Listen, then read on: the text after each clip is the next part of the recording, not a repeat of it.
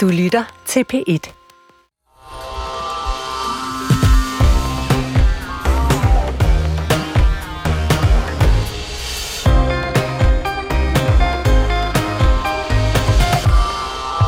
Selvfølgelig skal man reagere, hvis noget ikke er, som det skal være. Hvis et barn mistrives.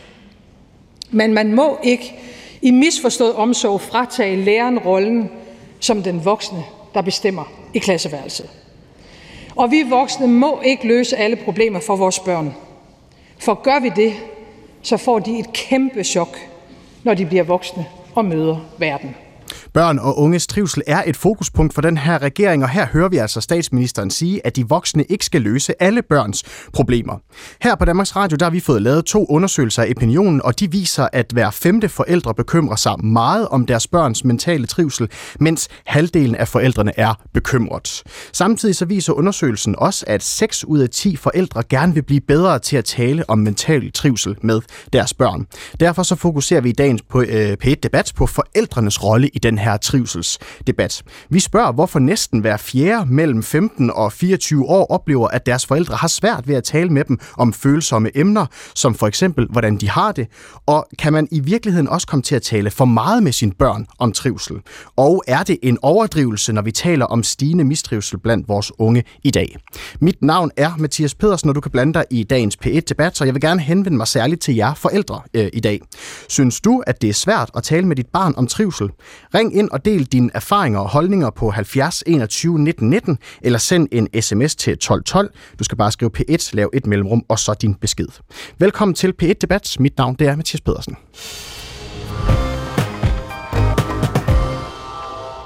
Camilla Skovgaard, velkommen til. Tak skal du have. Du er øh, forfatter, og så er du sådan set også øh, mor. Ja. Kan du forstå, at hver femte forældre bekymrer sig meget om deres børns mentale helbred? Det kan jeg godt i en tid, hvor man kan jo nærmest ikke åbne en avis eller tænde for fjernsynet, uden at, at støde på det her med øh, overskrifter om, at unge mistrives. Øh, en anden ting er også, øh, som jeg selv oplever, når jeg er ude og holde foredrag på ungdomsinstitutioner, det er, at, øh, at, at de unge faktisk giver udtryk for, at de er øh, stressede og pressede. Så jeg kan godt forstå, at øh, forældre de bekymrer sig, øh, og også gerne øh, vil hjælpe de unge. Og over øh, halvdelen af de forældre, der altså har deltaget i den her øh, undersøgelse her, de siger, at de gerne vil blive bedre til at tale om mental trivsel med deres børn. Hvorfor tror du, at nogle forældre kan finde den her samtale her ret svær? Jamen det tror jeg simpelthen er, er fordi, at, øh, at, at det er en problematik, som de også selv har svært ved at navigere i. Altså, det, det er jo ikke kun et problem blandt børn og unge med stress. Øh, det er jo også et problem i vores øh, voksen øh, generation. Os, der er voksne i dag, vi er vokset op med, med en fortælling om, at øh, alting skal gå efter en snor.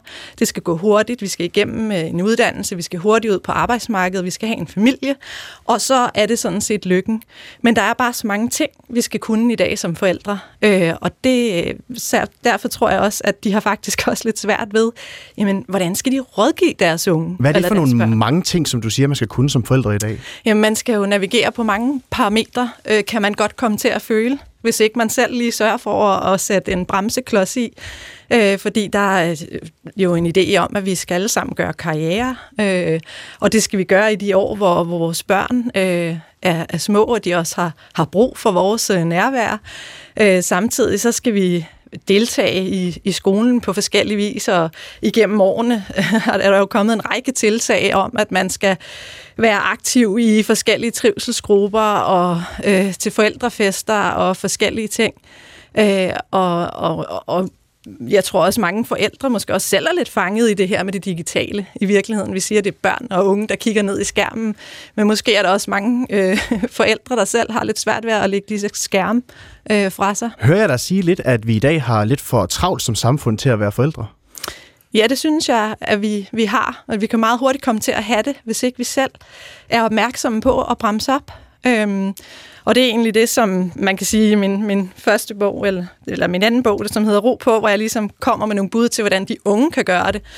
Lige nu sidder jeg og laver en bog, som handler om, hvordan kan voksne egentlig gøre det, fordi det, afs- altså det, det, det spejler sig jo i de unge. Det er det, de går og, og kigger på øh, mm. øh, hver dag, hvordan voksenlivet fungerer. Og hvordan, Så det, hvordan har du selv gjort? Altså, hvordan har du selv indrettet dit øh, familieliv? Jamen, øh, altså, jeg, jeg har måttet tage lidt om undervejs. Øh, jeg havde en, en klar øh, karriereplan øh, efter gymnasiet om, at jeg skulle ind og læse statskundskab og skulle ind og arbejde i embedsværket og, og, og har også i nogle år arbejdet på Christiansborg.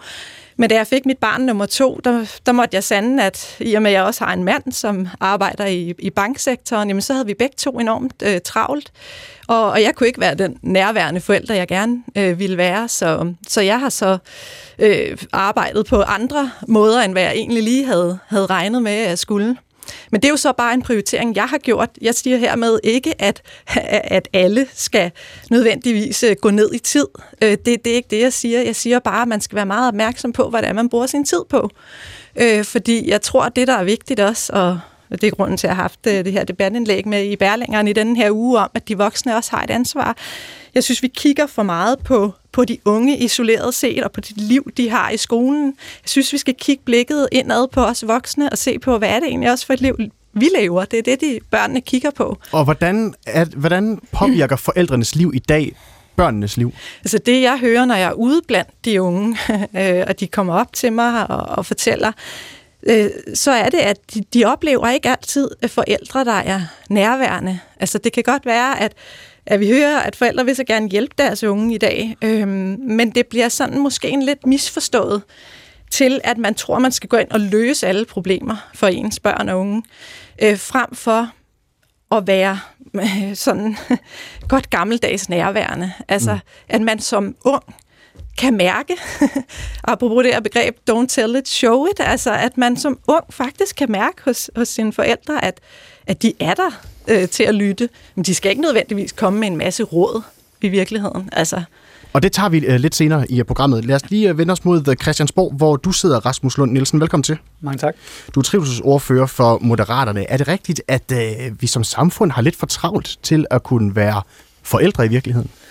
Vi har i hvert fald meget travlt som samfund, og øhm, det er der jo mange grunde til.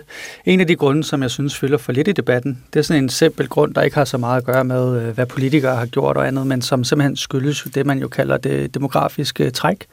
Altså den demografiske udvikling, som der er, som betyder, at øh, de største generationer, der har været i Danmarks historien, de er sådan set på vej på plejehjem, mens nogle af de mindste generationer i Danmarks historien netop er kommet ud på arbejdsmarkedet. Faktisk er de halvt så store som de største. Og det betyder jo, at de skal løbe rigtig stærkt, hvis de skal kunne levere det samme velfærdssamfund, som man har kunnet før. Der det skal jeg lige forstå. Hvordan laver du den kobling i forhold til øh, for eksempel øh, unges øh, trivsel?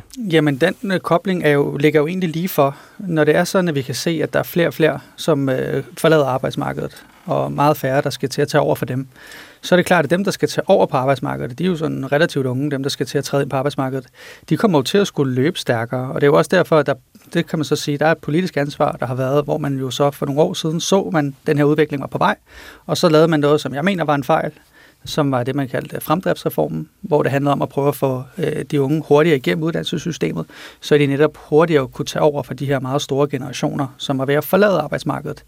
Og det presser jo de unge, men det skyldes jo så det her faktum, at øh, der bliver født færre, end der gjorde øh, i øh, efterkrigsperioden. Der, jeg tror, det var 46, vi havde den største generation på næsten 100.000 mennesker, og så i 80'erne, der havde vi generationer, der var cirka halvt så store. Er det fordi, når du siger det her, øh, Rasmus øh, Lund Nielsen fra Moderaterne, er det så fordi, at øh, du gerne vil hen og snakke om øh, den her nye valuta i øh, dansk politik, som I, i regeringen har nævnt flere gange, det her med mangel på arbejdskraft. Øh, det er, ikke, er det der, du er på vej hen? Nej, nej, det er det faktisk ikke. Altså, det, det er jo så også bare et faktum, at vi mangler arbejdskraft, og det er ligesom en, øh, en valuta, vi bliver nødt til at tage højde for. Men det er faktisk, fordi jeg synes, det er enormt relevant for trivselsdebatten, og et perspektiv, som jeg synes ikke har fået nok opmærksomhed.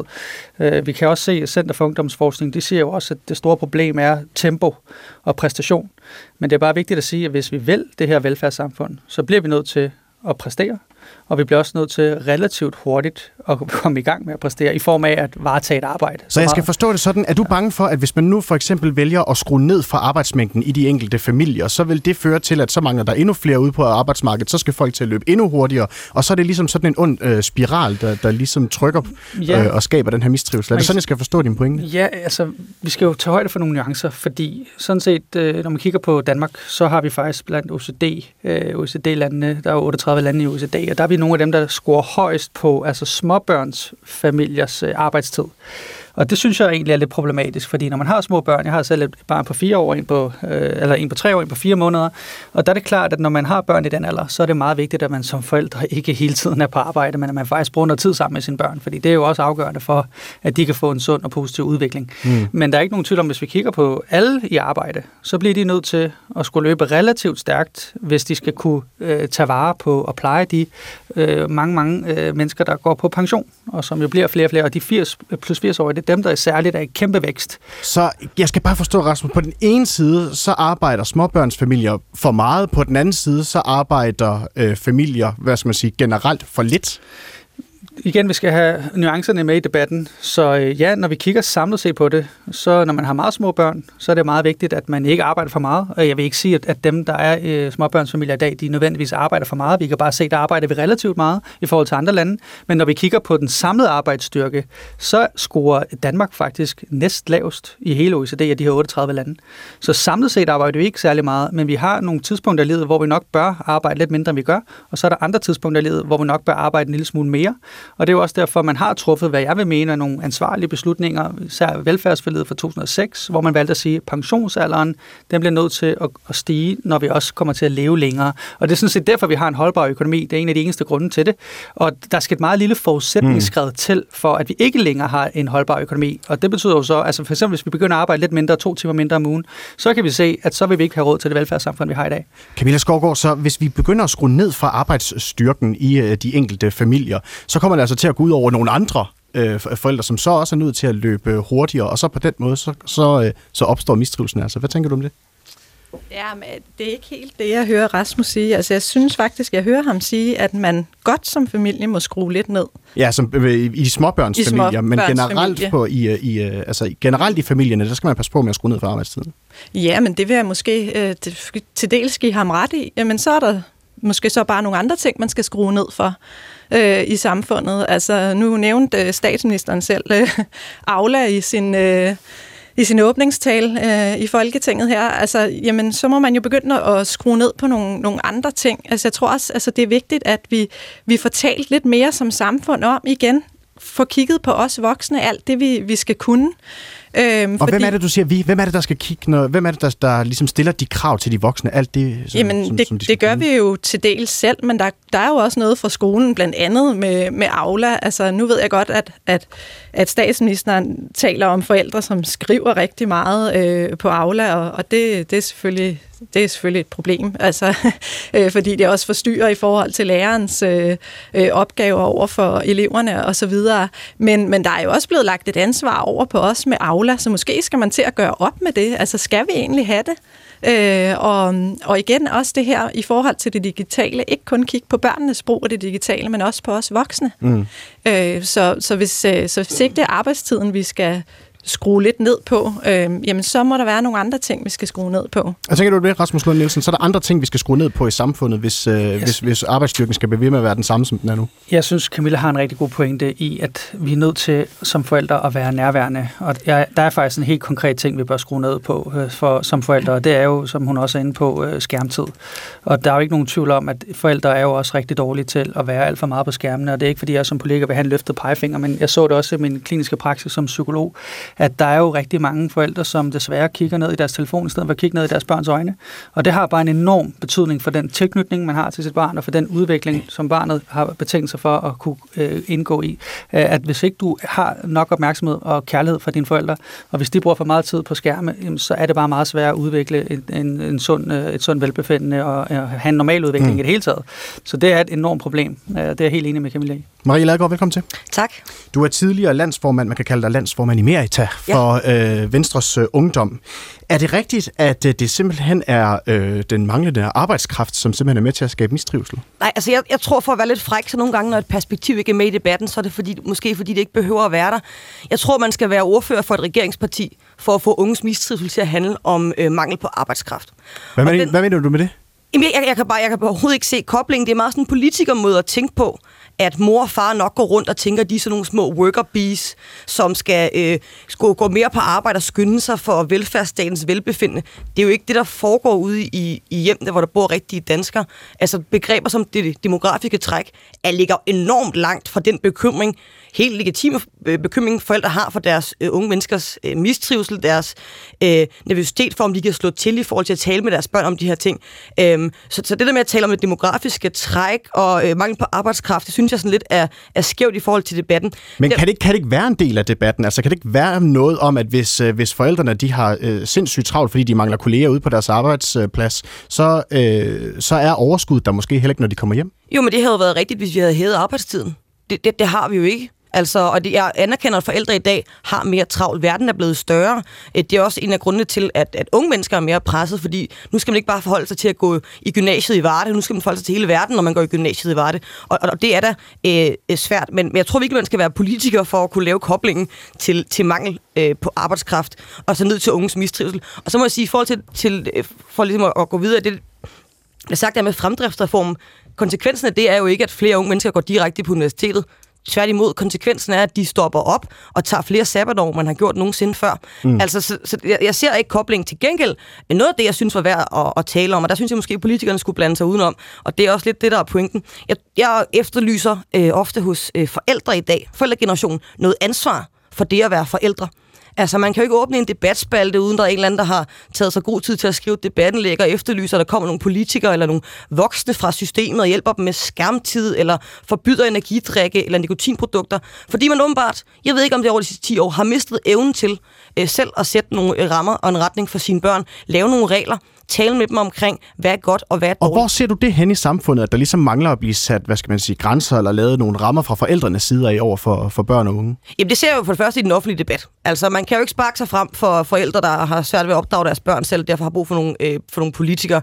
Øhm, jeg, jeg, jeg hører det jo også, øh, hører det i virkeligheden også øh, lidt, lidt herover fra, øh, fra, fra Camilla, uden at skyde hende noget skoene.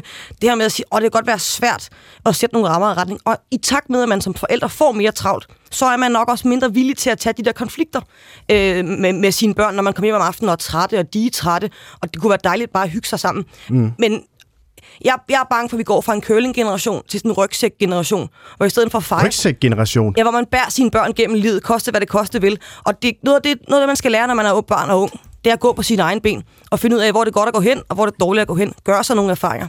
Og hvis man som forældre gerne vil bære sit barn hele vejen igennem, øhm, og sørge for, at der ikke er noget øh, modstand, men samtidig ikke evner at kunne sætte ord på, øh, hvad der er et, et godt liv, øh, hvad gode, dårlige valg, øh, tale om i familie, i familien, hvordan man skal opføre sig, hvordan man ikke skal mm. opføre sig, så er der godt nok lang vej hjem for, for en generation af unge mennesker, som jeg synes bliver overladt til sig selv. For voksne skal for mig at se gode voksne, skal være retningsgiver, skal tage ansvar, sætte nogle rammer, det har altid været godt for børn, og jeg tror ikke, at børnene har lavet sig så meget om de sidste 50 år. Jeg tror, det er forældrene. Så når du, når du nu har øh, en øh, trivselsordfører her fra et regeringsparti med i sådan et, øh, sådan et øh, debatprogram her, hvor vi diskuterer forældrenes rolle i øh, familien, vil din besked så være til en trivselsordfører, at politikerne måske skal træde lidt længere tilbage i baggrunden, og så måske lægge lidt mere ansvar over på øh, forældrene? Jeg synes i hvert fald, det er frægt at antage, at man kan løse nogle af de udfordringer, der er ude i folks hjem.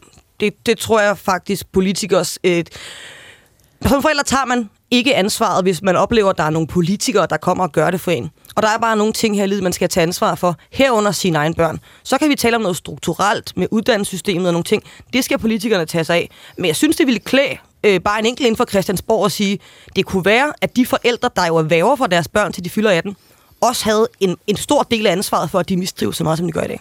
Rasmus Søller Nielsen fra Moderaterne af. Ja, men så øh, hørte hun mig heller ikke sige, at øh, forældre jo netop har et enormt ansvar, og der er mange, der ikke lever op til det, når de for eksempel bruger for meget tid på en skærm, i stedet for sammen med deres børn. Men i forhold til det omkring øh, arbejdskraft der, så øh, er det jo ikke fordi, jeg siger, at den enkelte forælder går og spekulerer på det demografiske træk.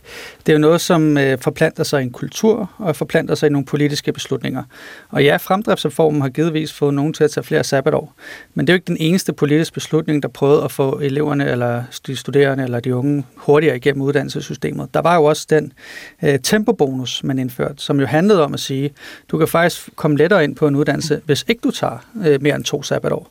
Den har man så afskaffet igen, men det er jo bare stadigvæk et symptom på, ligesom fremdriftsreform er et symptom på, at vi har en udfordring med, at der er mange, der forlader arbejdsmarkedet, og få til at tage over for dem. Og mange, der skal på plejehjem og plejes osv., og det hænger ikke sammen, hvis ikke man har en eller anden form for fokus på tempo og præstation i et samfund.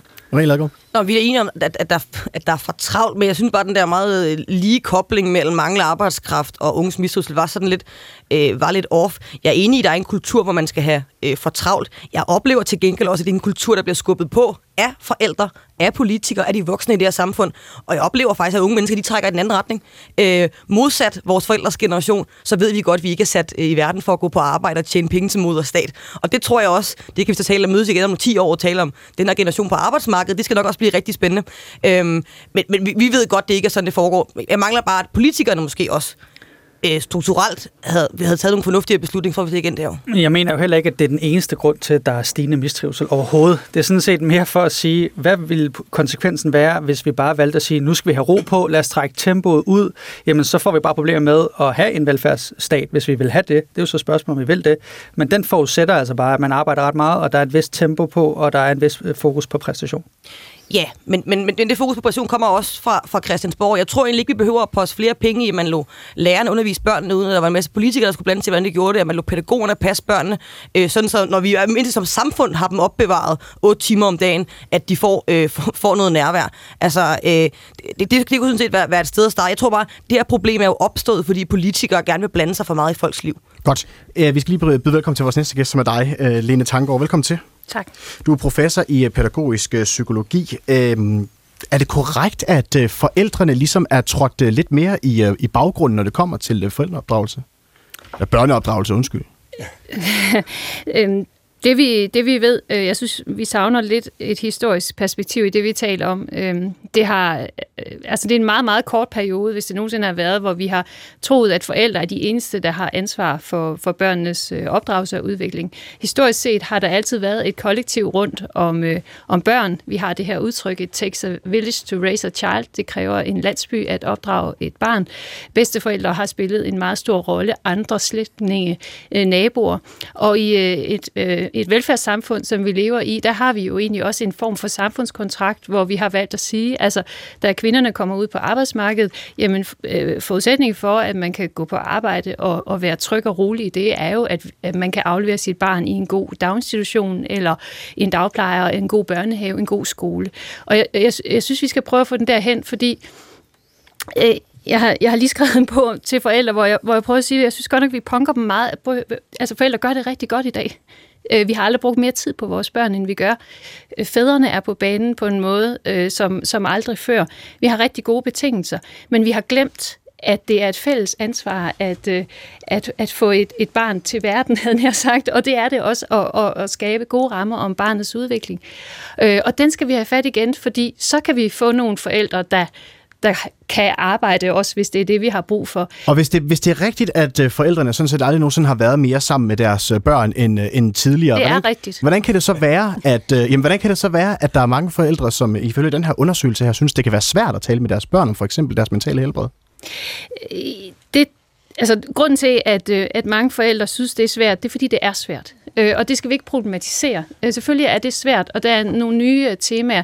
Der blev lavet en undersøgelse af børns øh, vilkår for nylig, som viste, at øh, øh, de unge ikke har så meget lyst til at dele øh, deres bekymringer med forældrene.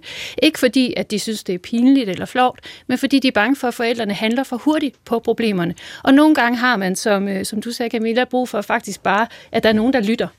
Øh, så det er jo også et perspektiv ind i det her, at der er, altså det ved vi også, at nogle gange går ting faktisk over. Øh, ved, at man simpelthen bare lader det være lidt, sover mm. på det. Øh, nogle gange har man faktisk bare brug for øh, at dele en erfaring, uden at den skal pustes op og blive gjort til et problem. Øh, og det er måske en af de ting, vi skal øve os lidt på, at være sammen om det, som livet også er øh, nemlig fyldt med bump og fyldt med ting, der ikke øh, går, som man havde forventet. Så, så taler vi for meget om øh, trivsel og, og det mentale helbred øh, i familierne derude, eller som samfund generelt? Måske taler vi nogle gange for meget, og måske skal vi i stedet for gøre noget mere sammen. Øh, og, og det er jo så det, som vi siger, det har vi ikke øh, tid til. Men, men det er jo også en, øh, en prioritering. Altså, øh, nu taler Rasmus meget om skærmene. Altså, vi ved fra nogle af de forskere, som arbejder med det, vi så kalder digital dannelse i mangel på bedre, at vi skal interessere os for, hvad, det, hvad vores børn laver. Øh, være nysgerrig, være engageret i deres øh, liv. Ikke med, med, med forbud øh, bygget på uvidenhed, men med nysgerrighed, engagement. Så får vi måske også nogle af de samtaler, der er vigtige. Og Hvis mangler vi... det i dag? Mangler det i dag den der nysgerrighed frem for en løftet pegefinger? Det er jo, det er jo klart, altså de analyser, der bliver lavet, øh, Center for Ungdomsforskning i Danmark, som trækker på Harmen Rosa, en, en tysk sociolog, som har beskrevet, at vi har en acceleration i vores samfund. Tingene går hurtigt.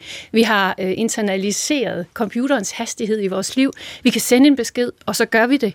Og det vil sige, at vi håber informationer op omkring os, og vi, vi, øh, vi, vi kan faktisk ikke, vores hjerne er stadigvæk en sten eller hjerne, vil nogen sige. Det vil sige, at vi kan faktisk ikke magte alle de her informationer. Den, den hastighed kan vi sætte ned på forskellige vis. Det kan vi gøre ved nogle gange at slukke for skærmen, men vi kan også gøre det ved at lave mad sammen, eller gå ud i, i skoven sammen, og faktisk tage os tid. Tid er jo ikke noget, der bare er. Det mm. er jo også noget, vi prioriterer og, og vælger. Og det er klart, at når man er forældre, øh, og i, selvfølgelig især med små børn, jamen det er krævende. Det, det, det vil være en fejl at, at tro, at, øh, at det ikke er udfordrende. Og er det her en opgave for Christiansborg, eller er det her primært en opgave for øh, forældre? Det, der er en opgave for Christiansborg, det er at skabe øh, gode daginstitutioner, gode børnehaver, gode øh, fritidshjem, det kalder vi det ikke mere, SFO'er, øh, således at den samfundskontrakt, som vi har bygget vores samfund på, og som øh, altså som betyder, at vi er det land i verden, hvor øh, børnefamilierne, de arbejder, altså jeg ved ikke, om vi er nummer et eller nummer to, men vi arbejder rigtig meget. Danske børn er, er i institution. Øh, vi, der sætter vi også en form for verdensrekord, så vidt jeg ved. Og, og det, det kan vi jo ikke opretholde, hvis ikke hvis, altså, vi sørger for, at der er gode betingelser der. Så det er en, en vigtig opgave, frem for at lave den, som vi lige ved at ende med, en ansvarsforskydning hen, og så siger det også forældrene. Øh, forældrene skal også spille med, øh, fordi man kan ikke øh, danse tango, uden at der er to øh, til at danse. Så det er mm. selvfølgelig ikke kun øh, politikere. Vi skal også selv tage ansvar. Men, men det er en dans mellem øh, de betingelser, der bliver skabt, øh, og så vores eget øh, bidrag. Lars øh, Kvartrup, velkommen til. Tak skal du have. Du er professor i emeritus ved Danmarks Institut for Pædagogik og Uddannelse ved Aarhus Universitet. Du har markeret undervejs, så nu, du kan lige få lov, for jeg har også nogle spørgsmål til dig, men du kan lige få lov til at, at, øh, at øh, ligesom komme med en kommentar med det, du har markeret på. Ja, altså, min indledende kommentar, det er, at øh, nu har vi snakket meget om, om travlhed og krav til, øh, til børn og unge og fremdriftsreform og, og så videre og så videre. Vi har også snakket om, at øh, forældrene måske har for travlt til at være forældre men måske har de også af til for travlt med at være forældre. Det, som er min øh, sådan indledende pointe, det er, at vi skal passe rigtig meget på, at vi ikke gør børn og unge til ofre for alle mulige onde ting rundt omkring i samfundet. I skolen, på universitetet, i børnehaverne, øh, i travlheden i, i verden, i, øh, på skærmene, som det hedder, øh, hjemme hos de travle forældre og sådan noget der. Altså, og hvordan gør, hvis, hvordan, hvis, hvordan gør man det? Gør man det i øjeblikket? Er man ved at gøre øh, unge og, og, og børn til øh, ofre? Ja, altså når en af jer sagde, at, at, at det ikke længere er curlingbørn, men, øh, men rygsækforældre, så, så er det jo fordi, at vi, vi rigtig gerne vil beskytte den, vi elsker, dem, vi elsker, og putte dem ned i rygsækken og sørge for, at der ikke sker noget ondt med dem. Og, og jeg tror, det øh, øh, alene har skrevet en, en, en glimrende bog om, at øh, af til skal de altså også have lov til at kravle op i et træ og falde ned. De dør som regel ikke af det. Øh, og, og hvis vi også igen anlægger et lidt historisk perspektiv, så for godt og vel 20 år siden var der en, en, øh, en, en person, der hed Jesper Jul, som skrev en, en glimrende bog om dit kompetente barn. Og det er som om, der er sket noget fra, at vi opfattede vores børn som kompetente, så gør vi dem i dag, eller vi har en tendens til, i, i den allerbedste, med den allerbedste hensigt at gøre dem til ofre. Så beskytter vi dem og beskytter dem og beskytter dem. Hmm. Og det betyder, altså hvis vi kobler det til trivsel, man trives aldrig, hvis man er et offer. Godt. Øh, Christine Ravn Lund, velkommen til. Tak skal du have. Du er forkvinde for Dansk Ungdoms Fællesråd. Øhm, kan du forstå, at uh, Lars Kvartrup her siger, at uh, vi er altså ved at have en tendens, hvor vi gør børn og unge til uh, ofre frem for at give dem kompetencer? Altså, jeg føler mig nok ikke som et offer, men jeg kan godt genkende det der med, at der er mange, der har travlt med at skabe en generation, som hedder generation mistrivsel og andet. Og det vi jo kan se, det er, at jamen, langt, altså, de fleste børn og unge, de trives jo godt i Danmark. Det der er problemet, hvis man spørger mig, jamen, det er jo, at der er en stigende mistrivsel. Øh, og der er færre i gruppen af dem, som trives meget, og flere i gruppen af, af dem, som trives lidt. Så det er ikke fordi, jeg går og føler mig som et offer, men jeg kan godt genkende det der med, at man ikke nødvendigvis spotter øh, ressourcerne og styrkerne ved børn og unge, og derfor også ender med at tale meget om en gruppe, i stedet for at tale med øh, en gruppe. Ja, og du sidder jo i øh, regeringens nedsatte trivselskommission. Hvad er det for et arbejde, I er i gang med der? Jamen, vi er jo i gang med at øh, afdække, jamen, hvordan er det, man øh, som samfund skal håndtere den her tendens med stigende mistrivsel. Og egentlig ikke kun fokusere på at reducere mistrivsel, men hvad er det, der skaber den gode trivsel, og så forhåbentlig i sidste ende øh, komme med nogle anbefalinger så det. Lene sidder også øh, øh med i den. Øh, og det er jo fordi, at vi kan se, at der er rigtig mange, der peger på, at der er for mange børn og unge, der er mistrives, og endnu flere. Ikke? Så det er jo det, vi sådan går og arbejder med. Og så kan man sige, er det nyt, er det ikke nyt? Der er en stigende mistrivsel, og når jeg nu øh, er i DUF, jamen, så repræsenterer jeg jo den nuværende generation af børn og unge, og det der er en meget fælles dagsorden på tværs af de 80 organisationer, jeg repræsenterer, det er, at man øh, ser nogle udfordringer i forhold til, hvor mange der ikke trives øh, i dag. Mm. Lars Kortrup, øh, professor emeritus ved Danmarks Institut for Pædagogik og Uddannelse. Altså, du mener jo faktisk, at vi skal droppe den her fortælling om, at mistrivsel den er værre end tidligere. Prøv lige at forklare, hvorfor. Altså, hvis vi ser på de undersøgelser, der bliver lavet, øh, og er blevet lavet de seneste år, så hvad skal vi sige, de, de, de vigtigste, de største af de undersøgelser, som er nogle undersøgelser, hvor man, hvor man, hvor man undersøger sagen hver fjerde år og sammenligner med andre lande og sådan noget, så er sådan hovedkonklusionen, at hvis vi ser på børnene, så er der ikke rigtig nogen signifikant forskel mellem, hvordan man trives tidligere og hvordan man trives, trives nu. Hvis man ser på de unge, er der flere, der giver udtryk for, for mistrivsel. Det vil sige, at de oplever, at de trives dårligere, end de gjorde tidligere. Og den der psykologisering er måske en af de ting, vi skal se på. Altså, hvorfor er der så mange, der, der vender blikket indad og, og, og siger, lever jeg nu op til de forventninger, der er? Fordi jeg tror, at trivsel har meget at gøre med forholdet mellem den kapacitet, man har som menneske, og de forventninger, der stilles enten fra andre eller fra en selv. Og derfor så er det ikke kun et spørgsmål om at, øh, at se på travlhed og fremdriftsreform og sådan noget. Det er også mm. et spørgsmål om at arbejde med, for eksempel at sige, jamen, hvad er vores, jeres i familien, i klassen, hvad er vores forventninger til trivsel? Og så en ting til, i stedet for hele tiden at snakke om, om du nu trives, og om du nu mistrives, og rod nu lidt mere din sjæl, så gør noget meningsfuldt sammen jeg tror ikke, man trives bedre, end når man gør noget, der er betydningsfuldt og meningsfuldt. Men hvorfor kan man ikke drage den, den direkte hvad skal man sige, kobling mellem, at uh, der er flere, der giver udtryk for, at de mistrives, til at man så kan konkludere, at der er flere børn i dag, der, og børn og unge, der mistrives?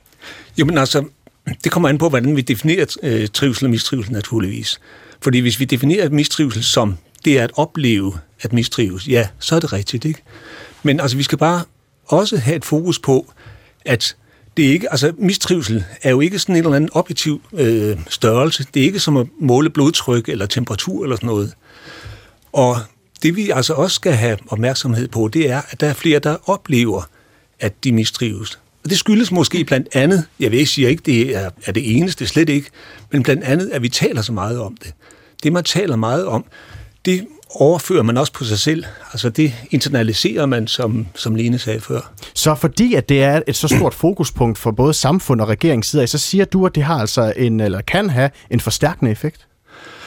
Ja, selvfølgelig kan det have en forstærkende effekt. Altså, øh, jeg var med i en, en paneldiskussion forleden, hvor der var en, en, en udmærket psykolog i øvrigt, som styrede debatten, og hun spurgte mig på et tidspunkt, hvordan kan vi hjælpe de unge med at optimere deres trivsel? Og jeg var ved at falde ned af stolen, Altså, hvis vi skal rende rundt og optimere vores trivsel, så får vi jo med travlt med at fokusere på, hvad der er galt, og hvordan vi kan optimere det, det er den helt forkerte vej at gå. Så er det også helt forkert, når man for eksempel vælger at udpege en trivselsordfører i et øh, parti, for eksempel? Nej, nej, altså det handler jo om andre ting. Det handler om at skabe nogle fornuftige rammer og sådan noget der, så, så jeg er rigtig glad for, for at der er trivselsordfører. Men uh, trivselsordfører skal altså ikke arbejde med at få den enkelte pige eller kvinde eller dreng eller mand til at optimere hans eller hendes øh, trivsel. Det går ikke. Øh, Rasmus øh, Lund Nielsen, du, det er jo dig, der er øh, trivselsordfører for øh, Moderaterne. Øh, anerkender du, at det kan have en forstærkende effekt, at vi taler så meget om trivsel, at øh, så er der måske nogen, som så, hvad skal man sige, opfatter det mere øh, som at være mistrives, hvis der er noget galt i livet, for eksempel? Altså, det, der er ikke to meninger om, at det, vi taler om, det kommer til også at have en påvirkning på virkeligheden, kan man sige. Men jeg synes alligevel også, at vi skal give virkeligheden en, øh, en chance jeg mener, det er et reelt fænomen, at øh, der er en stigende mistrivsel. Det er ikke kun noget, vi har talt op. Jeg synes, der er nogle ganske valide undersøgelser, der dokumenterer en øh, relativt øh, lav øh, livstilfredshed blandt særligt unge piger, desværre. Og jeg synes, at øh, blandt andet skolebørnsundersøgelsen for 2022 viser jo, at, at det også øh, materialiserer sig i nogle ganske objektive symptomer, såsom at der er en stigning på 50 procent af unge piger i 9. klasse, som oplever for eksempel ugentligt at have hovedpine i forhold til for 12 år siden. Så det er jo et reelt problem, og det skyldes jo blandt andet øh, den måde, vi, vi lever på i dag, hvor at vi, som vi lige havde, var inde på, altså er meget på skærme, og måske endda så meget, at vi ikke sover så meget, som vi gjorde før. Og vi kan se, at 78 procent af de ældste skoleelever også møder træt ind i skolen. Så det har jo en masse negative øh, konsekvenser, som jeg mener, det også er et politisk ansvar, netop som Lars Kvartrup er inde på, at skabe nogle rammer, der, der gør det mindre sandsynligt, at man, man ender der med, at så mange unge ikke rigtig har det læringsudbytte, de kunne have, og heller ikke har de samme betingelser for trivsel, som de kunne have, hvis de levede mm. på en anden måde. Så du vil sige, at mistrivselen den er blevet værre, end den har været tidligere i samfundet? Ja, absolut. Lars Kortrum? Jamen igen, øh, så, altså det kommer jo an på, hvordan man, man øh, ser på det, og hvordan man definerer det.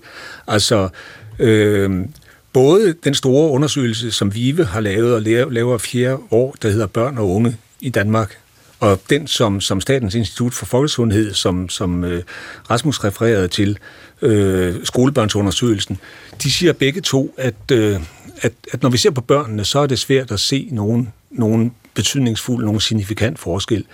Det er fuldstændig rigtigt, at der er nogen, der skiller, skiller sig ud. For eksempel unge piger, piger i 7. til 9. klasse, de oplever at trives rigtig meget dårligere end tidligere. Men hvis jeg bare må, må tilføje en enkelt sådan lille forskningsdetalje, sådan, når jeg nu er som forsker, så, øh, så det hele startede med, at, øh, at CEFU, altså Center for Ungdomsforskning, lavede en stor undersøgelse, som blev offentliggjort i efteråret 22.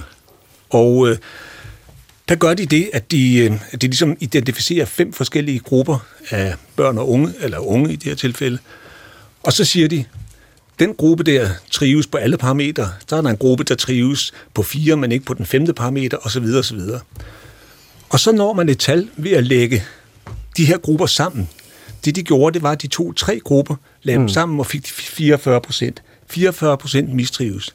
Så, men, jeg vil, men jeg vil med det samme grundlag kunne sige, at jeg kunne lægge tre andre grupper sammen og få, at der var 73 procent, som trives. Og hvad har det gjort for, hvad skal man sige, diskursen her, og den, altså, hvad skal man sige, den politiske linje, den samtale, vi har her i lokalet, for eksempel?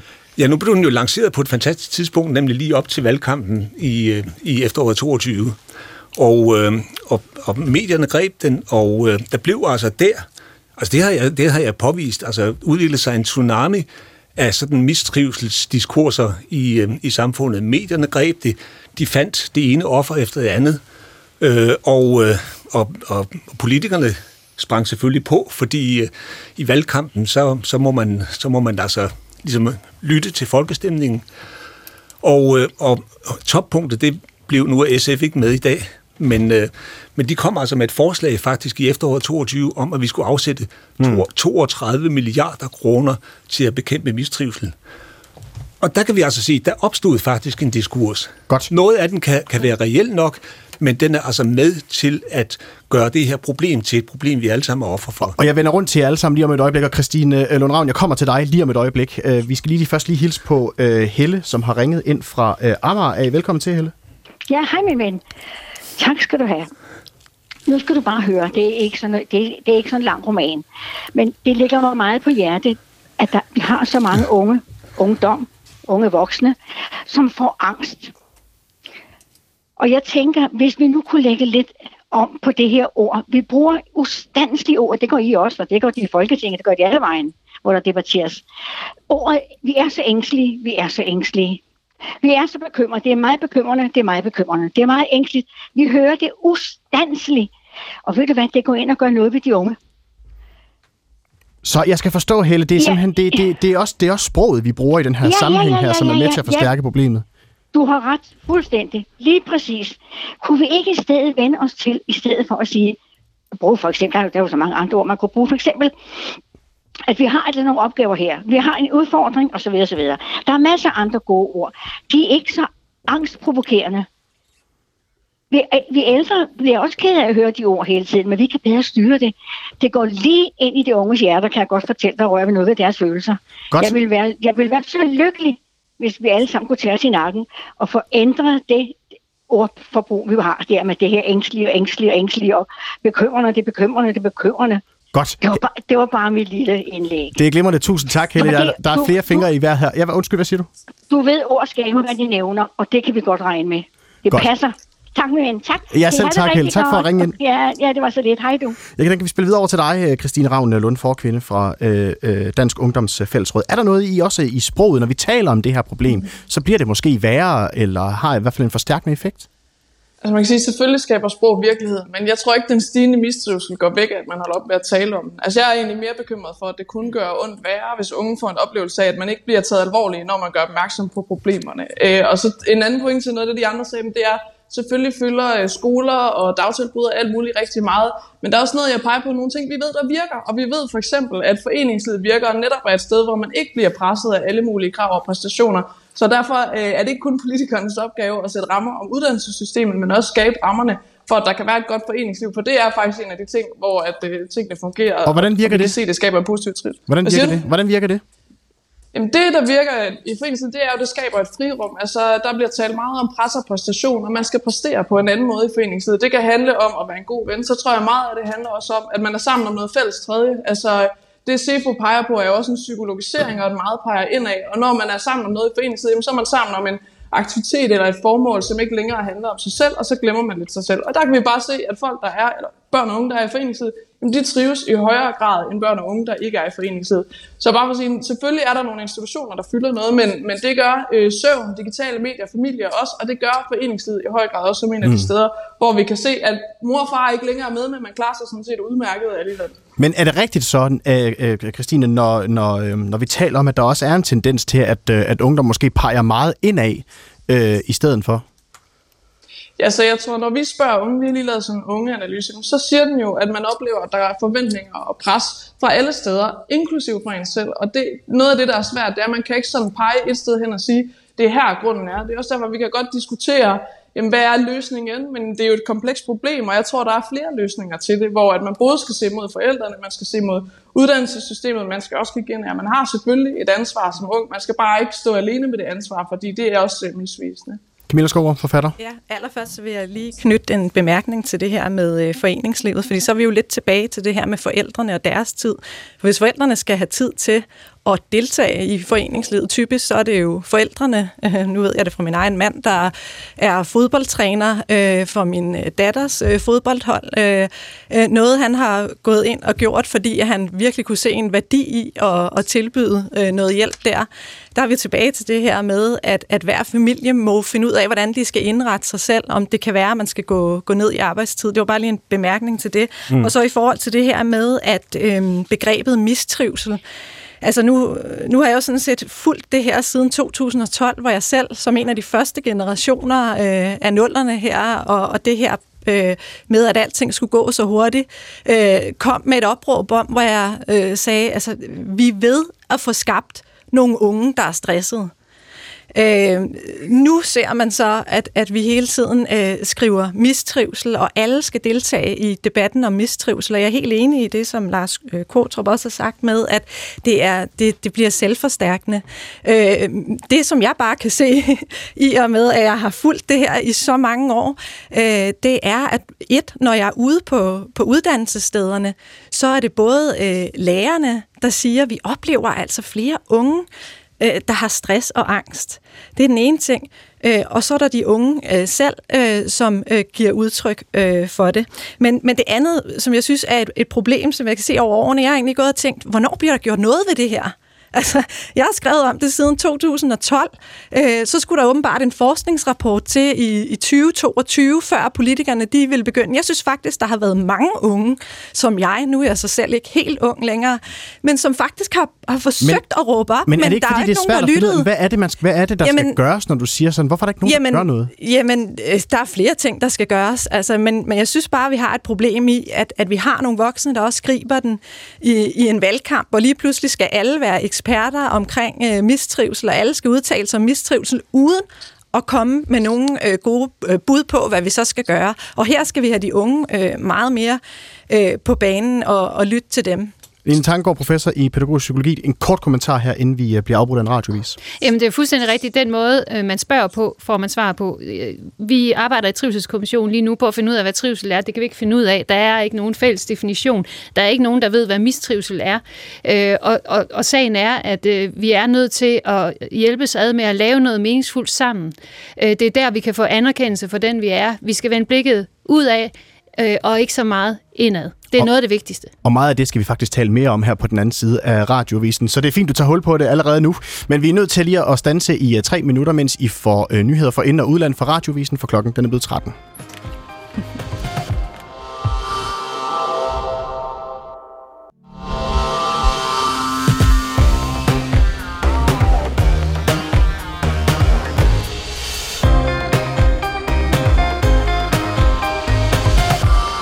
6 ud af 10 forældre vil gerne blive bedre til at tale om mental trivsel med deres børn, men rigtig mange oplever, at det kan være svært at tale med deres børn om deres mentale trivsel, fordi de simpelthen mangler viden om, hvordan man gør. Men er det overhovedet forældrene, som bør tale med deres børn om, hvordan de går og har det? Eller er der andre i børnenes liv, som er mere oplagte at tale med om de svære emner? Skal forældrene måske i virkeligheden tale mindre med deres børn om trivsel? Det er dagens øh, P1-debat, og du kan som sædvanlig blande dig, hvis du ringer ind på 70 21 19 19, eller sender en sms til 12 12. Du skal bare skrive P1, lav et mellemrum, og øh, så din besked. Og del gerne øh, nogle erfaringer. Hvordan taler du med dine børn om, hvordan de har det? Eller synes du måske i virkeligheden også, at vi bør tale mindre om trivsel med vores børn? Mit navn er Mathias Pedersen, og velkommen tilbage til P1 Debat.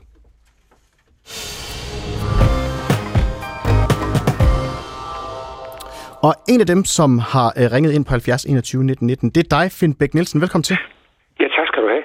Ved du hvad, jeg vil gerne flytte fokus. Jeg er far til fire, og ja, fire børn og fire børnebørn, og øh, min anbefaling vil være simpelthen, at, øh, at vi flytter fokus og møder vores børn som øh, de mennesker, vi er. Altså menneske til menneske, som Grundtvig sagde, først menneske og så øh, forældre. Og det, der virker, det er, det er mentalt overskud, øh, når vi er i relationer med andre mennesker. Og metoder og teknikker betyder kun 10 procent. Og øh, hvad hedder det... Øh, så vi skal ikke gå ind i alle mulige regler, metoder, teknikker og jura. Altså det bedste, vi kan gøre, øh, det er at være gode rollemodeller og sørge for, at, øh, at vi har et, øh, et godt øh, og et sjovt voksenliv.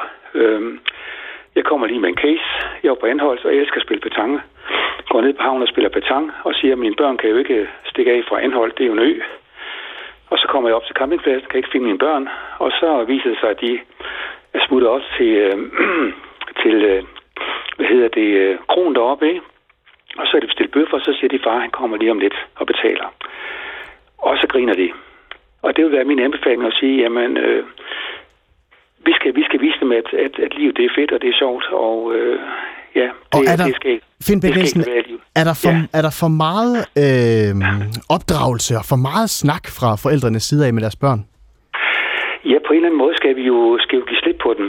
Altså, det jeg har sagt til mine børn her omkring lejrebål i mit hus, det er at sige, at de skal kun øh, besøge mig af lyst. Altså, altså øh, vi, vi skal passe på, at det ikke bliver sådan et pligtforhold. Og det er der faktisk, øh, jeg tror, det er en...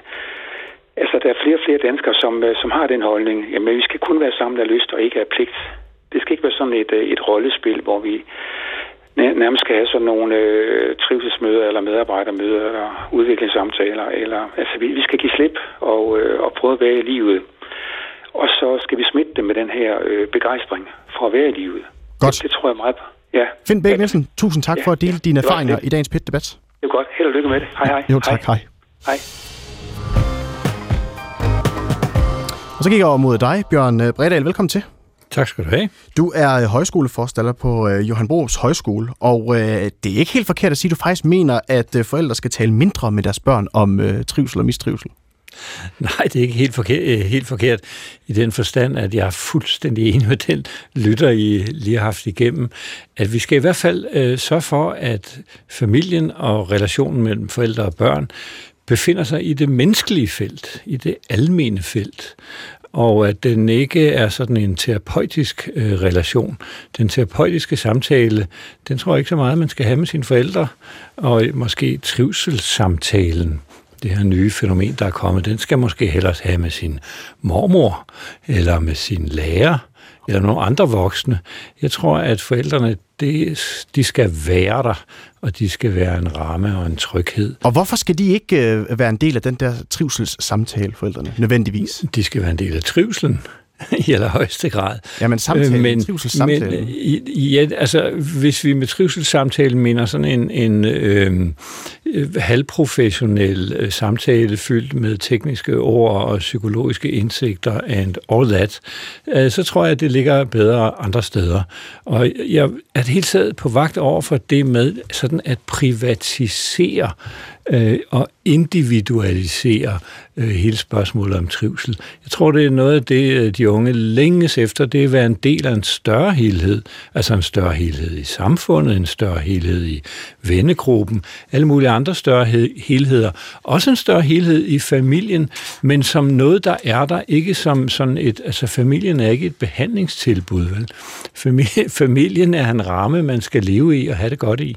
Så når nu øh, øh, der er en undersøgelse her fra Opinion, som, øh, som har lavet den for os her på Danmarks Radio, som viser, at der er mange forældre, som har svært ved, øh, siger de i den her samtale, faktisk gerne blive bedre til at tale med deres børn omkring øh, mental trivsel, så er dit svar måske, måske skal i virkeligheden Mit svar øh, er, at det er en, øh, en helt grumme forkert måde at lave opinionsundersøgelser på, fordi den viser lige nøjagtigt det, den, det, det, det spørgsmål, den bekræfter det spørgsmål, den stiller, fordi du bringer ligesom forældrene ind i et hjørne, hvor de er nødt til at svare, øh, som om, at de var nogle psykologer, og så, så, så svarer de jo, at jeg føler mig ikke klædt godt nok på, men jeg tror, forældrene er klædt rigtig godt på til at være forældre, hvis det er den rolle, øh, de, øh, de bliver i, men de er jo ikke klædt øh, rigtig godt på til at være øh, psykologer, en psykiater og behandlere og læger osv., og, så videre, og det skal de heller overhovedet ikke.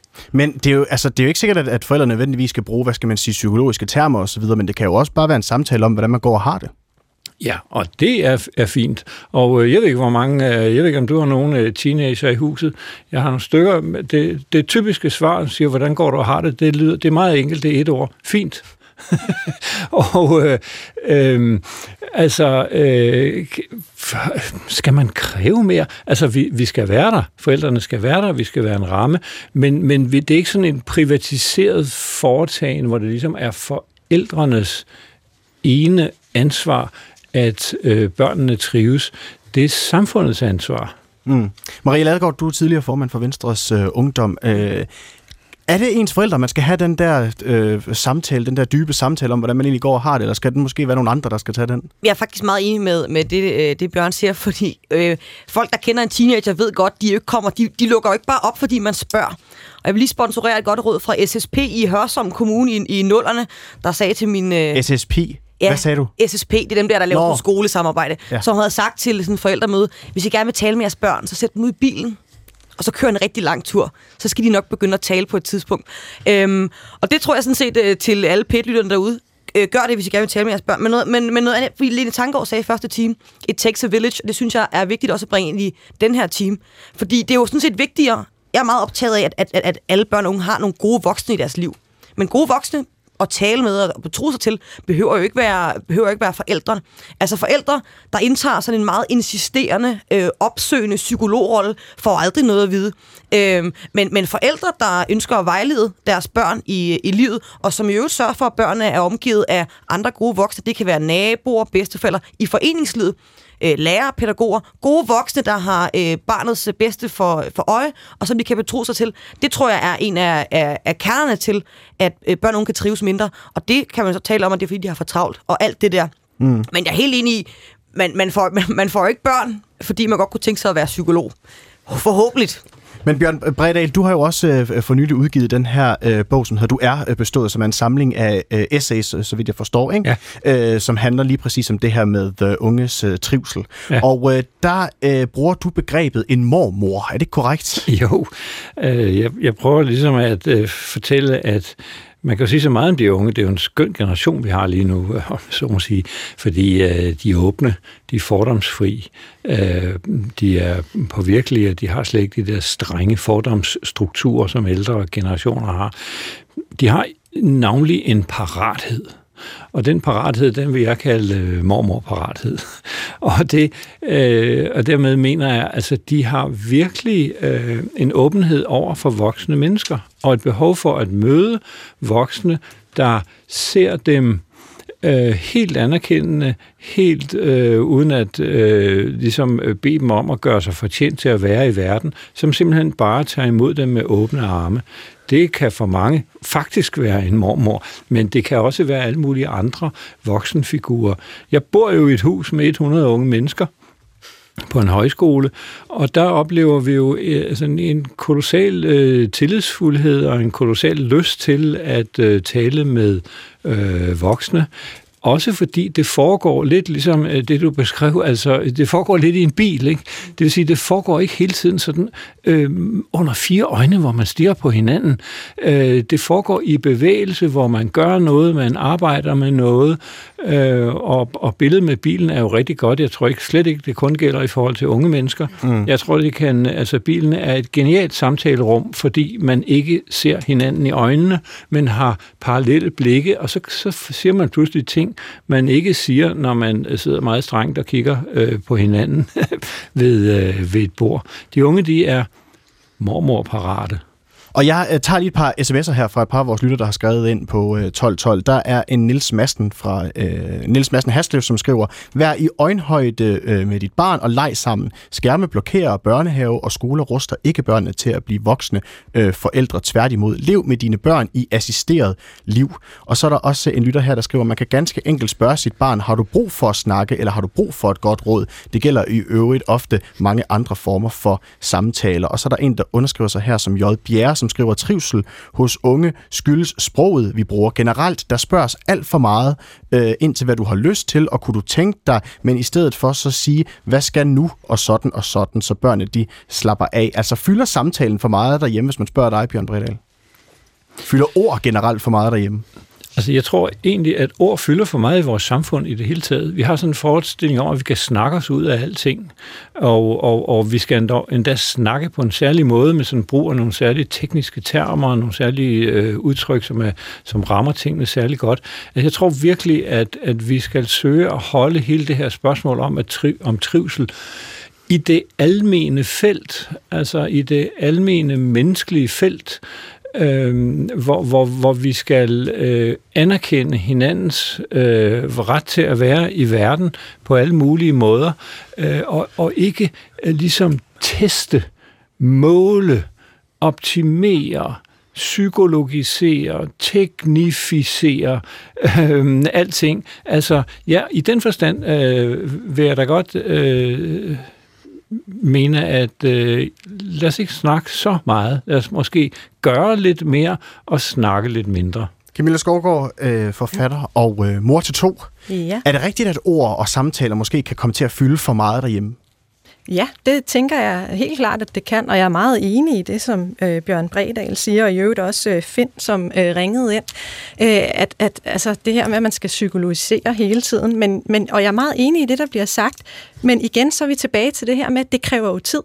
Og hvis vi alle sammen skal arbejde så helvedes meget, som man på en eller anden måde godt kan fornemme nu i de her dage, der bliver sagt fra politikernes side, jamen, øh, så, så er der jo ikke den tid til til det her øh, nærvær. En anden ting, og, og der ved jeg jo mærke i det, du øh, sagde, øh, Bjørn, i forhold til det her med, med de voksne, der er omkring, og, og det er jeg meget enig i, men, men hvis ikke vi har de voksne, som hviler sådan i sig selv, jeg kan mærke på dig, du er en meget behagelig, rolig mand, øh, og, og hvad hedder det, hvis, hvis ikke vi har de voksne ude i dagtilbudene, jamen, jamen så hjælper det jo ikke noget. Og det er jo de rammer, som politikerne skal være med til at, at skabe, så der netop er den tid. Øh, og og der, der må jeg bare selv sige som mor, en af grundene til, at jeg øh, også valgte at, at gå lidt ned, mens mine børn var små i tid, det var faktisk fordi, at når jeg kom og hentede, så kunne jeg mærke øh, nogle voksne, der var enormt presset, og der var ikke tid til den her øh, hygge, og nu laver vi en aktivitet sammen. Det var brændslukning alle steder. Mm. Øh, og, og, og så, er det jo, så tror jeg, der pokker, at forældre de så haster afsted selv for at hente børnene i dagtilbudene. Så igen, skal vi arbejde mere som forældre? Ja, så bliver det svært at, være, øh, at give den her, øh, det her rum til det. Men kan du som mor også tænke, at det ikke er mig, der skal sætte mig ned for bordenden og kigge øh, mine børn i øjnene, og så spørge dem dybt øh, til, ja. øh, hvordan har du det? Ja, helt bestemt. Altså, jeg tror meget på den der med, døren er åben. Altså, øh, den her med, øh, de, de kan mærke på dig, at du er der til at lytte, hvis der er noget. Øh, men du skal heller ikke hele tiden overvåge og gå og spørge, og, og det kan jeg godt øh, se, at der kan være en fare for lige nu, hvor vi taler så meget om mistrivsel. Det kan jeg også mærke, når jeg er ude og møde både unge og forældre ved foredrag, at, at forældrene godt kan blive sådan helt, nej, og, og så kommer de hjem, og de har det ikke godt. Men nogle gange er det jo også bare almindeligt, at man ikke altså, lige trives i nogle dage, og så er det sådan, at man måske kommer til at gøre noget ved det for hurtigt som forældre. Mm. Men, men der, der synes jeg så også, vi er tilbage til det her, som, som øh, jeg har sagt øh, før, at, at hvis de unge skal have mulighed for at komme ud og møde øh, de her voksne, som er der til at tale med dem og, og give dem nogle gode historier, jamen så skal vi heller ikke presse dem igennem uddannelsessystemet for eksempel. Altså min egen oplevelse, som var grunden til, at jeg står her i dag og også begyndt at skrive øh, bøger om det, det var jo en følelse af, at det eneste vigtige her på jorden, det var, at man fik en uddannelse, det skulle være i en helvedes fart, mm. indtil jeg selv bankede panden mod muren på universitetet og, og fik stress, og tænkte, jamen jeg har jo heller ikke været ude og møde jorden og stikke fingeren godt ned i mulden. Så rejste jeg ud, og det var jo der, at jeg mødte mennesker, som jeg kunne snakke om livet med, og fik nogle andre perspektiver. Og, øh, og det er jo det, der er med til at gøre en til et helt menneske. Og det er det, jeg igen synes, det skal vi altså have på banen. Lars øh, Kvartrup, du er også stadigvæk med os, professor emeritus mm. ved Danmarks Institut for Pædagogik og, og Uddannelse ved Aarhus Universitet. Altså, kan der være noget i, at man måske slet ikke skal snakke så meget med sine børn?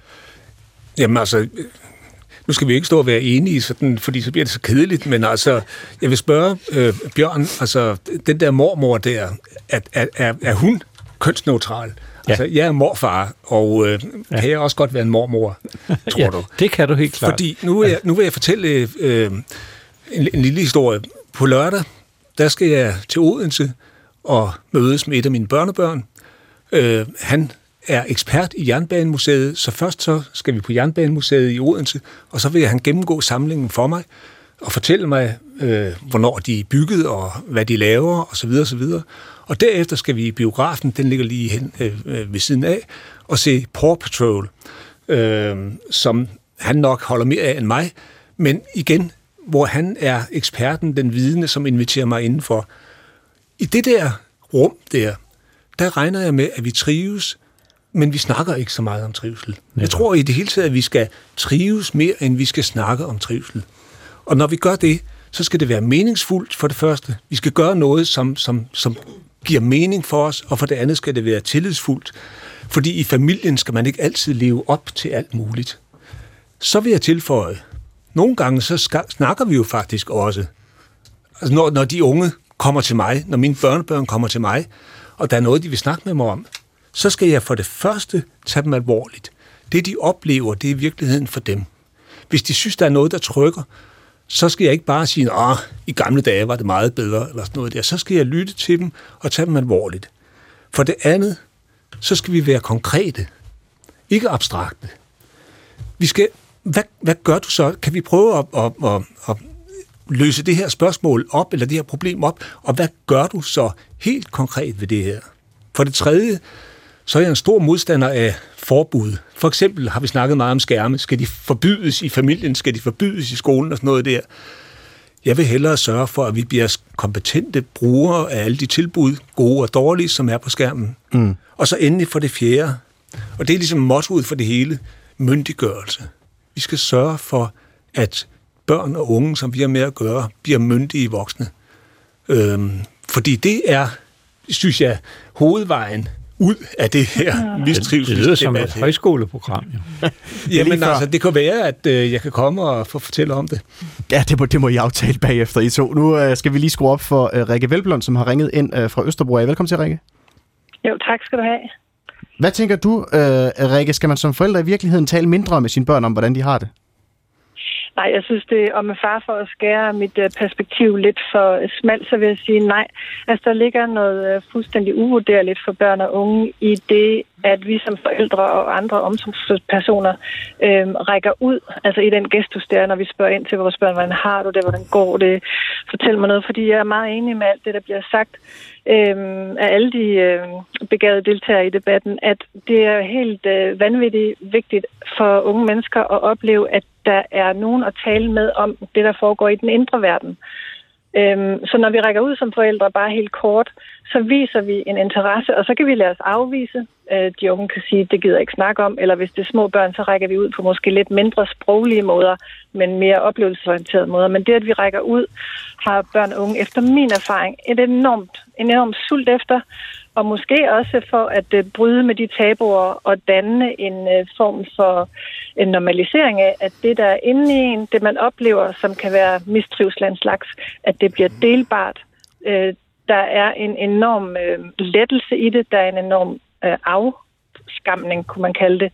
Den skam og den, den forkerthed, som børn og unge kan bære rundt på, bliver mm. i væsentlig grad reduceret af, at vi som voksne interesserer os på den her måde. Og skal det være igennem nødvendigvis igennem sproget eller igennem samtalen med barnet? Nej, men altså samtale og dialog og det at bruge sprog symbolisk er jo, er jo bare et af mange redskaber. Det kan foregå på mange måder, men det er også derfor, i virkeligheden vil perspektivet være mere Altså, det vil være mere givetigt at snakke om, hvordan kan vi række ud, på hvor mange måder kan vi række ud, men også øhm, introducere et sprog for det, som kan være svært at snakke om. Fordi det er det, mange børn og unge oplever øhm, er, er svært, og voksne også. Forældre er i, i høj grad i knibe om, hvordan, hvordan taler man om det, der er svært. Hvordan taler man også det op, som går godt. Altså, mm. det at bruge sprog i det hele taget, om det, der foregår indeni.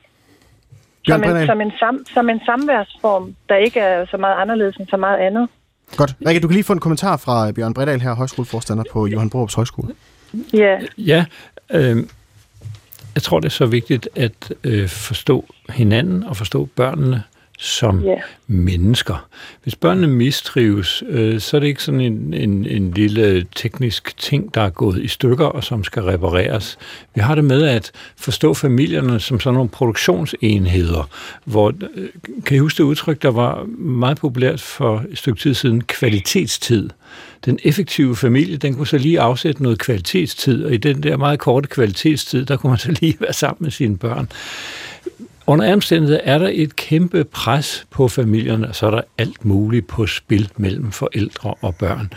Det er derfor, jeg advokerer mm. meget for, at de gode voksensamtaler måske foregår lige så meget alle mulige andre steder end i øh, familien. Og jeg tror i hvert fald ikke, at man sådan i den her lille, hårdt presset produktionsenhed, som familien er, skal påtage sig ansvaret for alt trivsel mm. øh, i verden. Men Bjørn Bredal, når du siger, at der er for meget på spil i relationen mellem børn og øh, øh, forældre, så kunne jeg jo fristes til at spørge, jamen er, der, er, der, er det ikke lige præcis omvendt, at der ikke er noget på spil i den øh, relation, fordi der er vel en eller anden form for ubetinget kærlighed mellem børn og forældre? Ja, det er, det er der helt bestemt. Øhm, der er også alle mulige forventninger, der er et fælles øh, tidspres, øh, der er ambitioner, der er rigtig mange ting.